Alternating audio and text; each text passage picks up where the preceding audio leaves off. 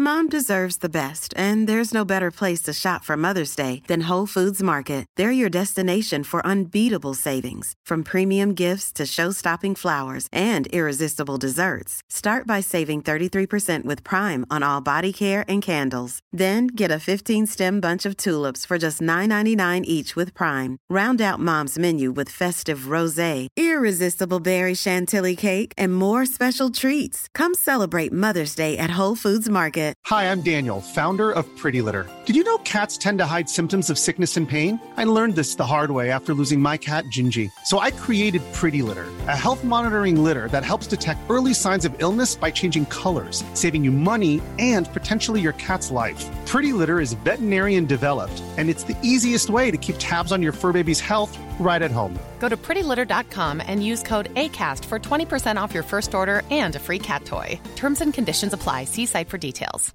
There's never been a faster or easier way to start your weight loss journey than with PlushCare. PlushCare accepts most insurance plans and gives you online access to board-certified physicians who can prescribe FDA-approved weight loss medications like Wigovi and Zepbound for those who qualify.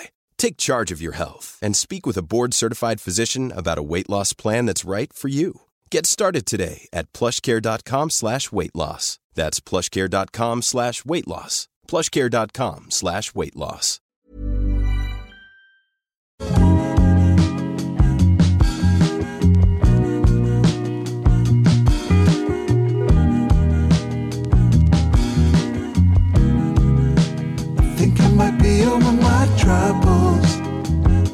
Vi lovade ju faktiskt i förra avsnittet att vi skulle prata lite New York. Ja, det är klart. Och inte bara New York, utan Wall Street. Vi ska prata Wall Street och lite Tom Ford. Ja, det är mycket godis. Ja, för att vi vet ju det med all säkerhet att ni som lyssnar på det här, ni har en, jag repeterar en inspirationskälla i livet och det är ju Gentlemanualen. Exakt. Det är där all livsglädje och fakta inhämtas. Så är det. Då är det ju så här att Andreas och jag som utgör Gentlemanualen, även vi har ju våra inspirationskällor. Ja, Och vilka är då de? Jo, det har ju blivit så att vi har sett vi har sett en dokumentär och vi har lyssnat på ett avsnitt av en podcast som inte är Gentlemanualen. nej. Och det är faktiskt du som tipsade om den här utomordentliga dokumentären. Om vi då börjar med Wall Street, alltså filmen. Ja, vi börjar med filmen, precis. Ja. Och eh, Det finns naturliga övergångar här, särskilt med tanke på staden. Precis, för att vi har ju pratat väldigt mycket filmen Wall Street. Alltså filmen Wall Street som kom ut 1987. Det är så att det är mycket möjligt att det har gjorts flera om-filmer, alltså filmer om den eh, filmen. Men nu har det kommit en dokument, eller nej, det är faktiskt så att 2018 Ja, men den finns på SVT Play i alla fall. Ja, den är relativt ny på SVT Play. Och den Välgjord. Är, ja, den är oerhört välgjord. Den heter alltså Wall Street, en film och dess era. Och Oj, den- vad konstigt jag sa det där. Ja, Dess era. Men den är gjord av, ett, av en fransk filmmakare om jag inte minns helt fel också. Det är ganska det intressant. så? Ja, alltså den är ju på engelska och de har ju framförallt lyckats med att få med nyckelpersoner i, eh, ja, i dokumentären. Så de intervjuar Oliver Stone, Michael Douglas och inte minst den här otroliga kostymören, alltså Ellen någonting, eh, Mirojnik, ja, tror jag hon heter. Någonting eh, kan vara Balkanrelaterat. kvinnan bakom Gordon Geckos äh, stil som faktiskt blev, alltså definierade en hel era av eh, finansvalpar och yuppies. Efter. Ja men verkligen och eh, tveklöst är det ju så att filmen Wall Street är ju en av filmhistoriens absolut största, Kultklassiker skulle jag ja säga. och eh, kostymfilmer. Nu för tiden så känns det ju som att den ibland kanske inte får den cred den får som, eller ska ha som film. Alltså den var väl, var det inte Michael Douglas som fick en Oscar för birollen? Alltså som Gordon Gecko. Det glömmer man. Han fick en Oscar för, för den. Och vi håller ju faktiskt väldigt ofta på att fokusera på det stilistiska i filmer. Vi pratar ju inte om eh, manus eller klippning eller regi. Och det ska vi inte göra idag heller egentligen men det är otroligt ändå vilken timing han har med lanseringen av filmen. Alltså Svarta måndagen är ju 19 oktober om jag inte minns fel, 1987. Och jag tror att det här är alltså bara med någon vecka ifrån när filmen går upp på bio. Så det blev ju världens uppmärksamhet. Hans rollfigur Gordon Gecko blev ju på många sätt liksom ansiktet utåt för det som kom att kallas för yuppien. Precis, och det är väldigt intressant i den här dokumentären att flera av de konsulter som Oliver Stone jobbade med, både manusförfattare men framförallt som skulle ge bakgrund till hur finansbranschen funkade och, och även personer som de byggde karaktären löst på. Det, en av dem säger ju faktiskt att ja, en av de stora besvikelserna är ju att i efterhand så var det så många som idealiserade och romantiserade Gordon Gecko. Fast han är ju skurken, han åker i fängelse. Den spoilern tror jag vi kan, eh, kan ge Ja. när filmen kom ut. Om man 87, inte sett liksom. den ännu så får man skylla sig själv. Ja, lite så. Men eh, det är ändå, det var ju inte syftet. Syftet var ju nästan att avskräcka eller, eller visa upp hur korrupt och hur, framförallt hur, hur, vad är det han säger? Alltså hur maniska Eh, börsmäklare var på Wall Street under den här perioden. Och greed, alltså greed is good. Hela det citatet att det är, det är ganska fascinerande för sen då så har det kommit fram hur många unga finansstudenter och unga arbetande inom den branschen och bara romantiserat, ah, jag älskar Gordon Gecko. Så här, ja fast det var inte riktigt det som var syftet. Just greed is good är ju ett av nyckelcitaten Ja, ur verkligen. filmen och eh, det sägs ju det att det är de, är, de bjussar ju verkligen på sig själva, både Mm. Michael Douglas och Oliver Stone. Och det, det kommer ju fram att just Greed is good kommer från en av personerna som verkligen har inspirerat Stone till karaktären Gordon Gecko och det är ju då Ivan Boesky. Precis, och han säger ju någonting väldigt likt. Han säger greed is great eller greed is... Ja, han, ja, men det var ju helt, helt rätt. Under en föreläsning om jag har förstått det rätt. Ja, medan då Michael Douglas säger det på ett aktieägarmöte Ja. tror jag, i filmen. Det är otroligt hur den fångar på något sätt en era. Och det är ju någonting som, som bra film ofta gör. Att, att in, både stilistiskt men också eh, andan i filmen. Det blir ju allt vanligare att man förknippar kostymtunga filmer med varumärken. Jag skulle Mm. säga att Wall Street är en film som inte alls är särskilt eh, varumärkestung och det beror väl på lite olika anledningar. En är väl att eh, nätet inte Nej. var utvecklat då alls. Och eh, sen, jag, jag vet inte, det, det är någonting som är lite höljt i dunkel som det så vackert heter. Ja, det, det enda som känns säkert på många sätt är ju klock, det är klockväg. Ja, och Cartier. Ja, verkligen. Både, han bär ju faktiskt exakt samma modell som jag har på mig idag. Ja, det, det här är ju verkligen en slump. Den där Ja. är ju fantastisk. Det är ju en gammal eh, Cartier Santos Carré, eh, referens 2960 i gulguld. Och den, den, Fantastisk. jag tror att den syns dels liksom i förbigående under filmens gång men faktiskt till och med i detalj när de lämnar in hans eh, personliga ägodelar när han blir fängslad i slutet. Och då ser man det väldigt tydligt. Och sen har han ju ett par, de är ju ganska tydliga också, ett par Cartier Vendôme solglasögon. Det är ju min absoluta favorit solglasögonmodell genom Riktigt hala. Ja, alltså det är ju han och Christopher Walken i eh, en av ja, Bondfilmerna när Christopher Walken spelar skurk. Då har han också sådana ganska fejdade eller väldigt ljusa Cartier Vendôme pilotbriller i princip. Ett varumärke som svischar förbi i dokumentären är Anto, eller Anto av Beverly Hills. Ja, det är intressant. Ett, ett skjortmärke eller en skjortskräddare kanske. Ja, skjortorna i filmen har ju, alltså de är ju i fokus stor, i stort sett i varenda scen. Möjligen bortsett från när han går runt i badrocken Ja, i. Hamptons där. Ja, exakt. Men eh, skjortorna är ju, de, är ju synonyma med eh, filmen och vice versa. Och väldigt mycket det man kallar fancy stripe eller multistripe, alltså flera olika ränder i en skjorta. Och har du tänkt på att det här är någonting jag inte minns från när jag såg filmen. Men att Gordon Gecko bär en tvärrandig skjorta, alltså en med horisontala Som, linjer. som jag måste säga, den ser, Det ser inte bra ut. jävla risig ut alltså. Det finns en anledning varför skjortor aldrig har vertikala linjer. Nej. Det är liksom, det ser aldrig bra ut bara. För det som blev, får man nästan säga, trendsättande, även om kostymören inte var först, så är det ju de eh, kontrasterande kragarna och manschetterna. Ljusblå skjorta eller färg, någon form av färg. Det kan ju vara lila eller rosa eller så också. Men en krispig vit cutaway-krage och sen eh, färgglada hängslen och en ja, banker slips. Alltså en mörk eller en slips med något diskret mönster i. Och sen en, gärna en dubbelknäppt kostym.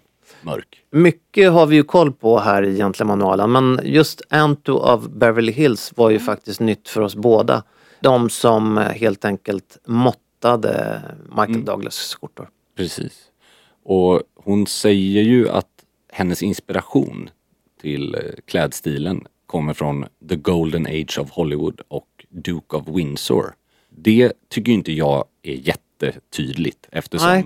det är väl bara en associationsfråga kanske men Golden Age of Hollywood för mig är ju mycket mer subtilt medan Gordon Gecko skriker ju verkligen han ber ju inte om ursäkt för sig. Det är ju inte elegans, det är ju kan inte ha, det, det måste ju skrikit jag tjänar så mycket pengar som möjligt. Eller det säger han ju liksom. Han pratar ju väldigt stolt om det i filmen. Jag tycker eh, en annan detalj som är väldigt rolig, vi ska inte spoila hela dokumentären men det är ju när Oliver Stone pratar om hur han ska få Michael Douglas att forma honom till den perfekta Gordon Gecko liksom. För han har ju manus men han är lite för snäll. Så han blir så frustrerad på honom för att han inte är tillräckligt svinig. Varpå han till slut säger If Kirk were here I wouldn't have to say this. Och det är Kirk Douglas, hans pappa då. Och då tappar han det och bara flyr ut.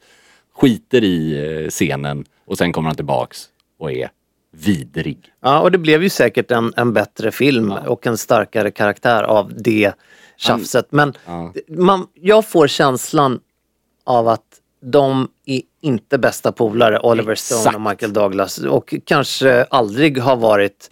Det känns som att Jag håller med. de att i alla fall Michael Douglas riktigt ogillar Oliver 100%. Stone men att han ställer upp för dokumentären och Jag älskar också den professionella respekt som Michael Douglas visar genom att säga att han är en briljant manusförfattare. han blev väl antagligen ekonomiskt oberoende redan Exakt. liksom i Ja, första scenen. Ja, exakt. men eh, Men att han, han visar ändå, han kan ge Oliver Stone, vilket, att han säger ju att han är en av, enligt Michael Douglas, en av tre bästa regissörerna Ja. eller filmskaparna i världen. Men man, man hör ju på Ja. honom att he's a very challenging ja. director. Och det är Alltså inte direkt, de sitter inte direkt i samma soffa. Nej, här. det, jag tror att, Helt jag tror att de platser. hatade varandra villkorslöst. Före, under och efter kanske. Ja, exakt. Men det är också så här, att kunna skapa någonting så ikoniskt och ändå kunna se förbi varandras eventuella då. Ja, och han skulle ju vara ett svin i filmen och, Ja. och det Och han tog fram det i honom. Ja. Så att eh, jag vet inte, Michael Douglas kanske inte var den lättaste heller, det vet vi inte. Nej. Men eh, roligt i alla fall. Varm, varm rekommendation att se. Ja, den här ska ses, ligger alltså på SVT Play och Wall Street, en film och dess era. Mm. Och eh, mer New York.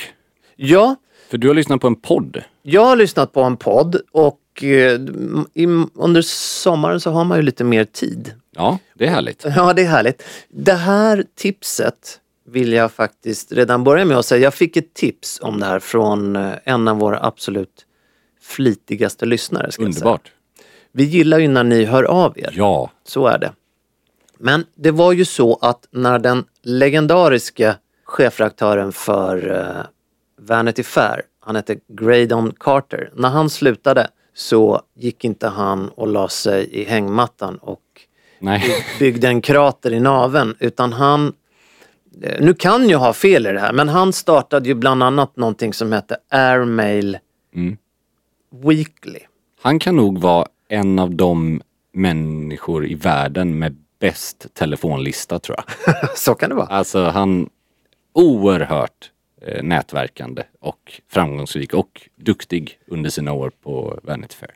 Eller Han, hans eh, varumärket han startade he, heter ju då Airmail. Men Airmail Weekly är väl, eh, tror jag då, det är väl deras nyhetsbrev. Okej.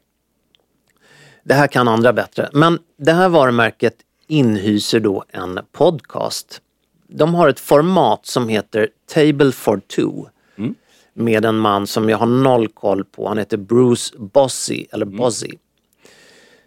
Där äter han lunch med eh, personer som intresserar honom. Intervjupodd. En intervjupodd.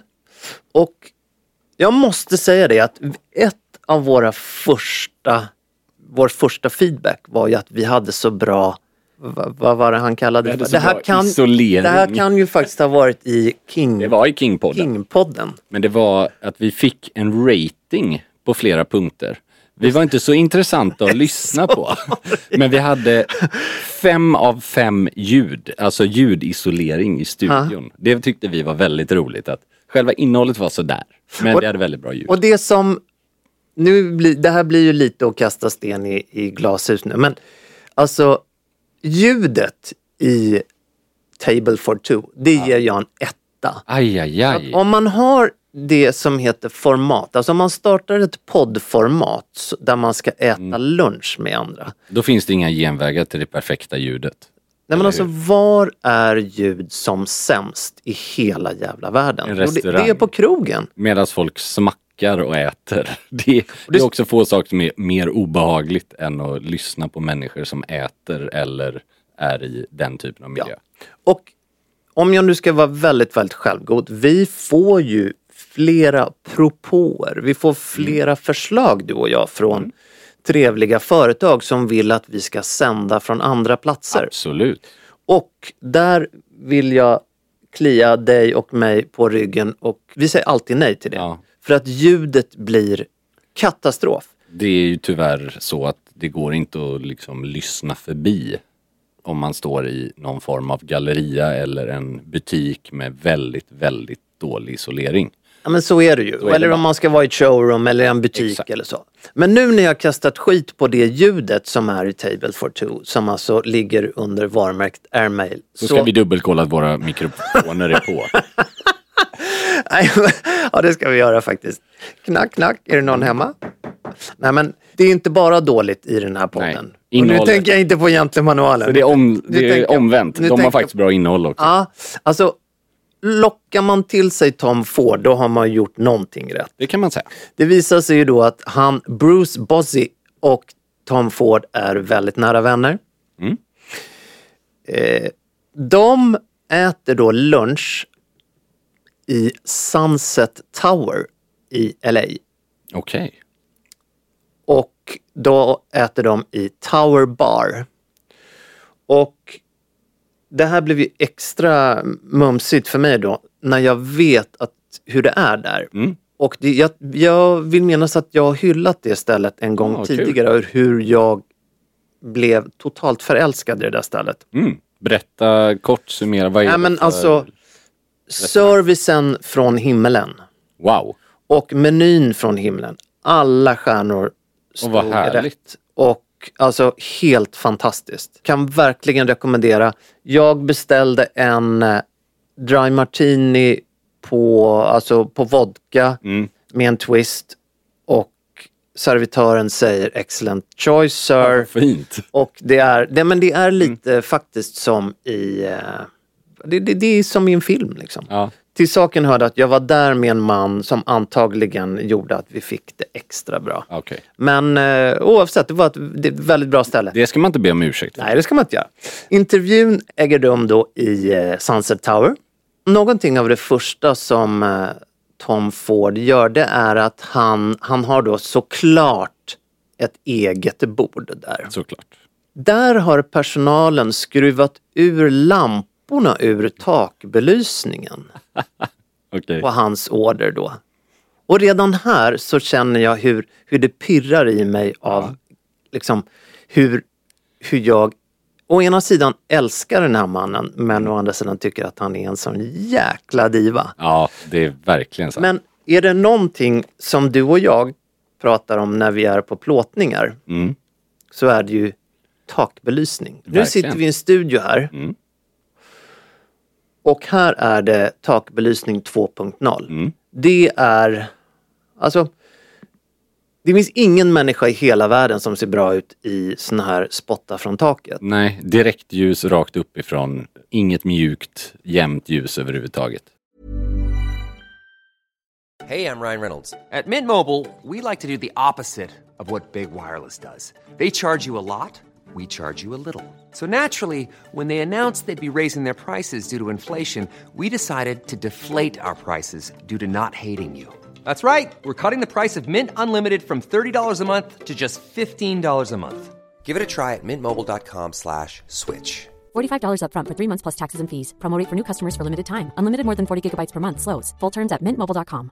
Hi, I'm Daniel, founder of Pretty Litter. Did you know cats tend to hide symptoms of sickness and pain? I learned this the hard way after losing my cat, Gingy. So I created Pretty Litter, a health monitoring litter that helps detect early signs of illness by changing colors, saving you money and potentially your cat's life. Pretty Litter is veterinarian developed, and it's the easiest way to keep tabs on your fur baby's health right at home. Go to prettylitter.com and use code ACAST for 20% off your first order and a free cat toy. Terms and conditions apply. See site for details. Many of us have those stubborn pounds that seem impossible to lose, no matter how good we eat or how hard we work out. My solution is PlushCare. PlushCare is a leading telehealth provider with doctors who are there for you day and night to partner with you in your weight loss journey. They can prescribe FDA-approved weight loss medications like Wagovi and Zepbound for those who qualify. Plus, they accept most insurance plans. To get started, visit plushcare.com slash weight loss. That's plushcare.com slash weight loss. There's never been a faster or easier way to start your weight loss journey than with PlushCare. PlushCare accepts most insurance plans and gives you online access to board-certified physicians who can prescribe FDA-approved weight loss medications like Wigovi and Zepbound for those who qualify. Take charge of your health and speak with a board-certified physician about a weight loss plan that's right for you. Get started today at plushcare.com slash weight loss. That's plushcare.com slash weight loss. plushcare.com slash weight loss.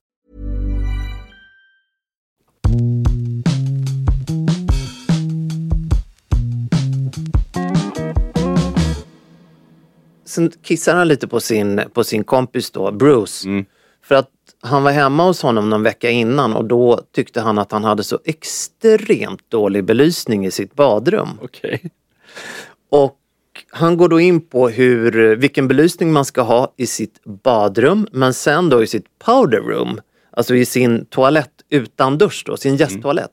Där ska man medvetet ha en dämpad dålig belysning. Så Ah. att gästen, Inte känner sig ful i spegeln. exakt så. Vad intressant. Där ska det vara lite, li- kanske lite rökbelysning, lite tonad spegel. Men självklart så ska ljuset i badrummet vara i princip kirurgbelysning och absolut ha en sån här förstoringsspegel då i. Det är lite roligt. Det finns ju en anekdot på just Tom Ford och hans fåfänga rörande sånt här. Där han är med i en intervju och eh, de ska fotografera honom. Och han har ju en sida som han vill. Mm, han har en, är han, många han som är har- en Julio. Och sen så säger han You know the backside of my head It's like the dark side of the moon No one has ever seen it. det, det är ju också så här Han har ju det, det finns ju någonting när man är så konsekvent då, då blir det ju nästan Då kan man ju köpa det nästan för att han Han är ju det med badrumsbelysningen Han är det med hur han ska fotograferas Han är alltså verkligen till perfektion Nej, men hur han att- vill ha saker Jag tror att han är totalt omöjlig att leva med. Alltså Förmodligen. totalt. Och eh, han tillrättavisar ju den här podcastvärlden då, Bruce, Mm. alltså varannan minut Ja, ja, ja. i liksom eh, allt i stort sett. Men eh, den är väldigt eh, lyssningsvärd den här. Inte minst så pratar han ju om sina boenden. Mm. Jag hade ingen aning om att han eh, bodde i LA. Det är kanske Han kanske en bor på flera ställen. Han bor ju på väldigt många ställen. Var det inte du som berättade att han nu bor. Eller att han åtminstone har bott eller äger det townhouse där Roy Halston, Precis. även innan det Gianni Agnelli. Precis, där kom vi nu in på New York. Jag, Ja. Det var bra att du sydde ihop den säcken för det är ju precis så att det är ju ett av de boenden som han och eh, hans son då som jag tror är nio och väl heter Jack. va? Jack, precis. Där finns en annan rolig anekdot när Jack skulle ta sina eh, favoritskor som har dinosaurier och lampor på till skolan. Varpå Tom Ford hade sagt No, no, no Jack. Those are tacky. Please put on your Stan Smith with velcro straps. Så det var väl, det är ändå lite så här, inte ens hans nioåriga son får välja sina Ja, Jag tycker att skor. barn ska få vara barn faktiskt. Det kan man till, tycka. till en viss gräns, absolut. Ja. Det blir väldigt roligt när Jack blir lite äldre och Ja, säger verkligen. Daddy, velcro is tacky. Otroligt roligt. Men det är ju för alla lyssnare som inte har sett det här townhouset på, eh, vad är det ligger? Är det Upper East eller är det, jag kommer inte ihåg exakt. jag är dålig, det, Vi får det, kolla upp det är en det. googling men, härifrån. men den är, det är ju verkligen en helt otrolig eh, bostad. Ja, men det måste ju vara dekadansens högborg. Ja. Alltså, nu har det ju hänt, alltså är det någonstans det har smutsats så är det ju på Manhattan. Men, Jo, jo, verkligen. men alltså det där huset, om väggar kunde tala. Verkligen, för det är ju tre rätt dekadenta, eller fyra. Det var väl, var det Günther Sachs och Jan, Gianni Agnelli som, hade, som par ägde det? Att inte, alltså hur, Det att inte några myndigheter sätter ner foten. Ja. Hur kan man låta ett sånt... Det är väl så här att jetset hänger liksom per automatik. Men att, att de ens ägde det huset tillsammans. Abs- och det var 70-talet, det var Studio 54, det var alltså, det var, det var, och sen hade du liksom Hålston vars då enligt anekdot favoritaktivitet var bakpotatis och kokain. Så att där hände det Men där måste han ju haft väldigt mycket gemensamt av de han köpte huset av. Alltså, Jag tror inte Agnelli gillar bakpotatis. ja, ja, ja, I och för sig. mm, exakt. Men eh, oavsett så kan vi väl säga att det är ett sjukt intressant hus, eller här, townhouse. För det är ju byggt, det är flera våningar, men det är som en öppen mitt i det. Så att det är ju enormt Takhöjd. högt i tak. Ja. Och väldigt så, alltså arkitektritat kan man väl, eh, det är väl en underdrift. Och där ska, skulle vi säkert kunna namnet på Men vi kan kolla upp kan det. Men det är väldigt intressant och det passar ju väl att Tom Ford som är så noggrann och eh, intresserad av stil och smak följer upp med ett så coolt hus. Att äga det menar. Den här, eh, det här avsnittet av eh, Table for Two spelades in eh, för ganska länge sedan men släpptes i somras om jag förstår rätt. Och då säger han att han ska flytta till London. Mhm. Så att, eh, och sen så ju- har, är har han väl då en monstergård i Texas och så vidare och så vidare. Han Men- kanske har några cent på fickan efter att han sålde sitt eget varumärke ganska Precis. nyligen. Han- Eller för något år sedan. Precis, han sålde ju hela varumärket till Estée Lauder. Mm. Där själva kläddelen gick till Senja, Ermenegildo Senja. Som också har producerat väldigt mycket av hans kostymer genom åren, vet jag. Precis. Alltså som underleverantör. Så det, är, det får man ändå säga att Tom Fords, framförallt de första fyra åren av hans eget varumärke på herrlinjen, det är bland det bästa i modern tid, tycker jag. Även de sista åren på Gucci faktiskt, när han slutet på 90-talet gjorde en subtil 70-tals, där breda slag, lite längre kavajer.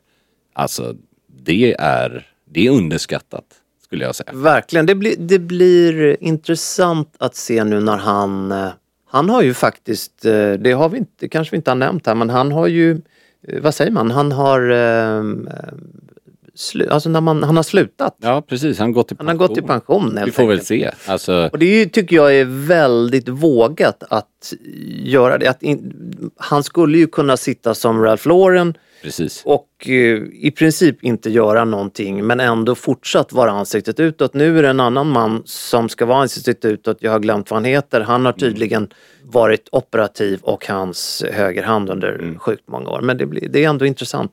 Ja. Eh, den stora skillnaden jag ser mellan Ralph och Tom Ford är ju att Ralph Lauren har ju aldrig riktigt ritat kläder. Förstår du vad jag menar? Han, Ralph Lauren har väl kanske varit herrmodebranschens bästa på att identifiera vad han vill ha. Väldigt sant. Men han har ju aldrig varit Han har varit designer. creative. Ja, liksom. ja, han har, precis, han har satt ramverket och sen har han tagit in de bästa för att exekutera det. Du- det har ju varit otroligt. Du brukar ju säga det Andreas, att det enda Ralph Lauren ritade, det var den amerikanska drömmen. Ja, alltså är det någon som får jobba kvar så är det Per Nilsson. Det var ju faktiskt så att Tom Ford skissade ju eh, kläder på servetter Mm. när han eh, gick på syltor efter eh, dojesyltor när han hade varit på Studio 54. Det är härligt. Gick och åt eh, snabbmat. Den här Texas-sonen. Mhm. Ja, han är, det, det är Ja, men- en otroligt fascinerande designer. Jag skulle säga att Tom Ford är 20, ja, nästan, kanske inte riktigt, men eh, 2000-talets Giorgio Armani eller lika inflytelserik som han var under 80-talet. Alltså han har gjort så fruktansvärt mycket för den stilen. En väldigt möjligen opassande fråga enligt många. Men vem dör först? Giorgio Armani eller Ralph Lauren? Den är svår. Jag tror Valentino Du, du, du Det lägger är många där. Du lägger till en, är många en, räv- en ja. ädla till. Många rävar med bra bränna är det. Som har varit med. Ja, men det är... Ja, ja, den är svår och det känns som eh, Ralph... Eh, Ralph har ju trappat ner en del från sina åtaganden. Ja. Det, det var ju en indikation på att han var äldre än vad man mindes att han var, jag på att säga. Men eh, nej, jag, jag vågar inte spekulera i det. Men förhoppningsvis kan vi ju se kanske en, en revival av Ralph Lauren. För jag tycker ju tyvärr, du vet hur mycket jag har älskat det varumärket, vad de har gjort eller vad han har gjort. Men det har ju varit, det är ju inte vad det en gång var kan jag tycka. De har haft lite hack i skivan. Ja, alltså de, har fortfarande Purple Label som gör, alltså jag tycker det är väldigt snyggt ofta. Men det är inte, det är inte samma dröm. Den amerikanska drömmen har krackelerat lite. Ja, vi har ju hånat får man väl faktiskt säga, hans son David. Ja, Och om han ska ha någon form av nyckelfigur, jag kommer ju inte satsa mina besparingar Nej. på Ralph Lauren-aktier. nej, inte, Ja. det tror jag inte. Och dessutom så tycker jag ju att det här är väl inte bara Ralph Laurens företag som man ser det här i, men den här förändringen från att pololinjen gjordes av Corneliani, det är väldigt välgjorda kostymer, bara för 15 år sedan, eller 10 år sedan kanske. Det var inte billigt, men det var inte heller svindyrt. Nu istället så är det, Purple Label kostar 50 000 för en kostym och Polo kostar 6 000 kronor och är gjort i en väldigt, väldigt mycket lägre standard än vad det gjordes då. Så att från att man var lite mer ja, mellansegment prismässigt, det var inte det allra dyraste men det var fortfarande väldigt välgjorda saker. När de gjorde, som jag pratat om mycket, de här vintage-plaggen, de gjordes i USA. Det var ju alltså, det var ju nästan skräddarstandard på, på hantverket. Men då pratar vi 70-80-tal, alltså väldigt mycket längre tillbaka.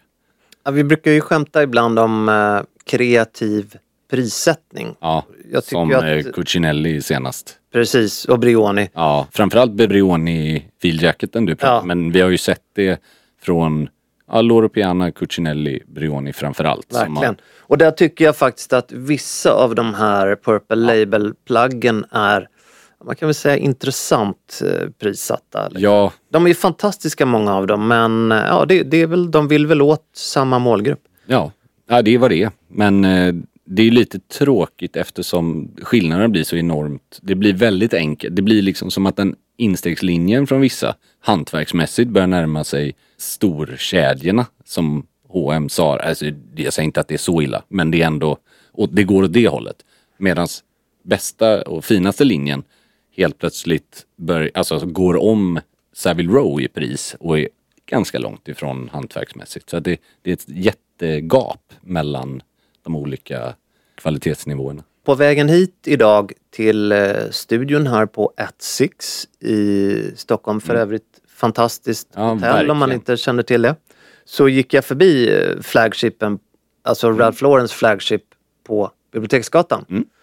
Och den byggs ju om nu. Kul. Eller möjligen renoveras eller gissningsvis en kombination. Men eh, jag hade inte reflekterat över att eh, den var i behov av det. Men det är väl kanske någon form av eh, varumärkes... Det är väl någonting av det man verkligen får ge dem i alla år att de har varit väldigt, väldigt bra på butiksdisplay eh, och butiksinredning. Det har ju alltid varit deras typ styrka om man ska vara så. Alltså hur man, hur man kommunicerar sin produkt och sitt varumärke. Ja men verkligen, den visuella upplevelsen. Ja, exakt.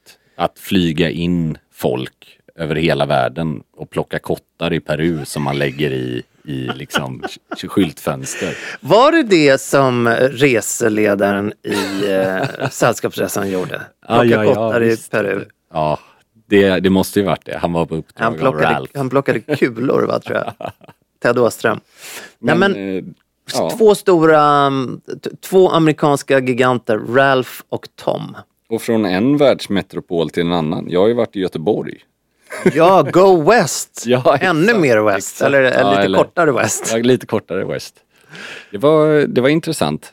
Det var, det var väldigt högt och lågt. Kan man... Kände du dig hemma eller kände du, vad kände du ja, egentligen? men först så kände jag en nostalgi, men det var nog för att det regnade. Så det var liksom det här Ah, klassiska okej, ja. Göteborgsvädret alla skojar om. Och det, det, är lite, det är lite härligt. Sen slogs jag av att Göteborg börjar ju bli mycket mer modernt än Stockholm på många plan. Det är ju skyskrapor överallt nu. Ah, De är väldigt kreativa. Karla, Karlatornet. Precis, ja och Nähä, sa jag fel Särniteskrapan. nu? Ja, det, det finns många olika och det byggs hotell i vart och varannat. Och det är alltså så här, jag trodde jag skulle vara mycket mer bakåtsträvande kring det. Alltså så här, nej det ska vara som det alltid har varit. Det ska vara Sveriges Detroit liksom. Ja. Men nej, jag tycker det var positivt. Så var vi och käka på, eh, min brorsa jobbar på en restaurang på Hisingssidan som heter Fej. Oj, det låter en- spännande. eh, ett koncept som sitter ihop med ett av Clarion-hotellen där. Jag kommer Aha. inte ihåg, men det är en fristående restaurang som ligger ganska högt upp i en sån halv, ja, ganska hög skrapa. Och det ja, nu är man väl partisk. Det är ju kul att äta på hans restaurang såklart. såklart. Men det var kul att se för det var väldigt långt ifrån en Kina-krog kan man ju säga. Det var liksom någonting som jag hade förknippat i Stockholm med, alltså så här bra stämning, bra musik. För, för, förlåt, men backa lite här. Är, är det en asiatisk Mm. Ja, krog? Ja, det, absolut. inte att... Det är kines, klassisk Aha, okej. kinesisk, eh, alltså riktig kinesisk, inte hittepå kinesisk. De Nej. har ju bara kinesiska kockar i princip. Han, ja. han jobbar främst med desserter och så. Men alltså konceptet är svinintressant och, och väldigt kul faktiskt. B- sjuk utsikt över hela hamnen. Wow. Och sådär. Framförallt då att det inte blir, det blir inte stelt och tyst och det blir inte sunkigt som, ska vi inte dra alla kinesiska restauranger över en kam, men en av de sakerna jag tycker är mest synd i Sverige, det är att vissa matkulturer har liksom förminskats till någon form av take away eller Ja. ölkrog liksom. Fast maten kan egentligen vara otrolig eller kompetens. Men det, det de vågar liksom inte göra ett helhjärtat restaurangupplevelse. Stavas det alltså F-E-I eller? Precis. Och det har tydligen blivit ganska, alltså det ligger ju på, på ja, Hisings, alltså Lindholmen-sidan. Men så det, det är kanske ingenting man bara springer på eller har gjort tidigare. Men nu börjar det hända lite på den sidan också. Så jag tyckte det var väldigt kul och Spännande. framförallt att det var mycket folk. Det var lite dinner to nightclub känsla utan att de hade någon Härligt. nightclub. Man ska gå kul. på Fej, Ja det tycker jag. man ska se dokumentären, man ska Man lyssna ska på podcast. definitivt bo på Pigalle för vi bytte hotell till det efter att vi, Efter att ni hade kört i diket på ett annat hotell. ja, vi hade tröttnat på det här tjetjenska slaktrummet från 89 som Ja, de gillar, de de, kallade man inte betala för. badrum. Alltså, det var ju inte kul. Men eh, vi behöver inte gå in och, på vilket hotell det var. Däremot så kan jag faktiskt återigen, och jag har betalat fullpris för det här, så det är, ingen, det är ingenting sånt. Men jag kan inte nog uttrycka hur bra jag tycker Pigalle är Mm. för pengarna. Jag säger inte att det är ett hem eller Grand Hotel som kostar betydligt mer. Men jag har aldrig varit missnöjd när jag har bott där. Nej. Det kan vara små rum men det är så sjukt mysigt. Det är alltid bra serverat. Alltså liksom personalen är Och bra restaurang där uppe grym upp. restaurang. Bra vin, öl om man gillar det. Och liksom, alltså visst, det är inte den roligaste platsen. För Brunnsparken är ju, ja, det är ju inte den roligaste delen av Göteborg. Men det ligger sjukt bra när man tar tåget. Vilket jag aldrig mer kommer göra med SJ. Det, det var en liten Du har rant. haft en, en dålig erfarenhet. Jag höll ju på att inte ens eh, hinna med den här podden på grund Nej. av att, att vårt underbara Men din sidekick har alltid tid för dig Ja, det Andreas. uppskattar jag. Du, du vet att det finns... Mm. Du, han, din sidekick har så mycket tid så att vi ska, ska ju ha dejt på torsdag du Ja, och det jag. ska vi göra. Och vi ska berätta om den eh, i nästa avsnitt. Ja, det tycker jag. Vi ska unna oss lite. Vi ska unna oss lite. Det ska vi göra. Tack kära ni för att ni har varit med oss. Mm. Vi är tillbaks nästa vecka. Yes!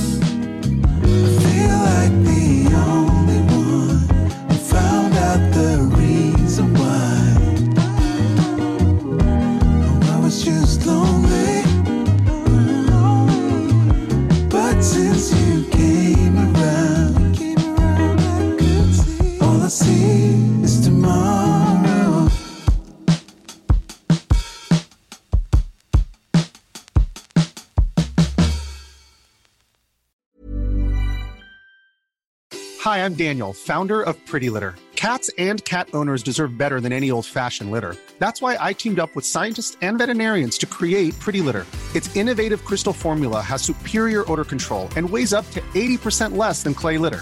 Pretty Litter even monitors health by changing colors to help detect early signs of potential illness. It's the world's smartest kitty litter. Go to prettylitter.com and use code ACAST for 20% off your first order and a free cat toy. Terms and conditions apply. See site for details. Even when we're on a budget, we still deserve nice things. Quince is a place to scoop up stunning high-end goods for 50 to 80% less than similar brands. They have buttery soft cashmere sweaters starting at $50, luxurious Italian leather bags, and so much more. Plus, Quince only works with factories that use safe, ethical, and responsible manufacturing.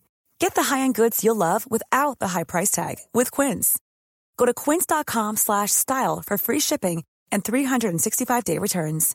Imagine the softest sheets you've ever felt. Now imagine them getting even softer over time. That's what you'll feel with Bowl and Branch's organic cotton sheets. In a recent customer survey, 96% replied that Bowl and Branch sheets get softer with every wash. Start getting your best night's sleep in these sheets that get softer and softer for years to come. Try their sheets with a 30-night guarantee. Plus, get 15% off your first order at bowlandbranch.com. Code BUTTERY. Exclusions apply. See site for details.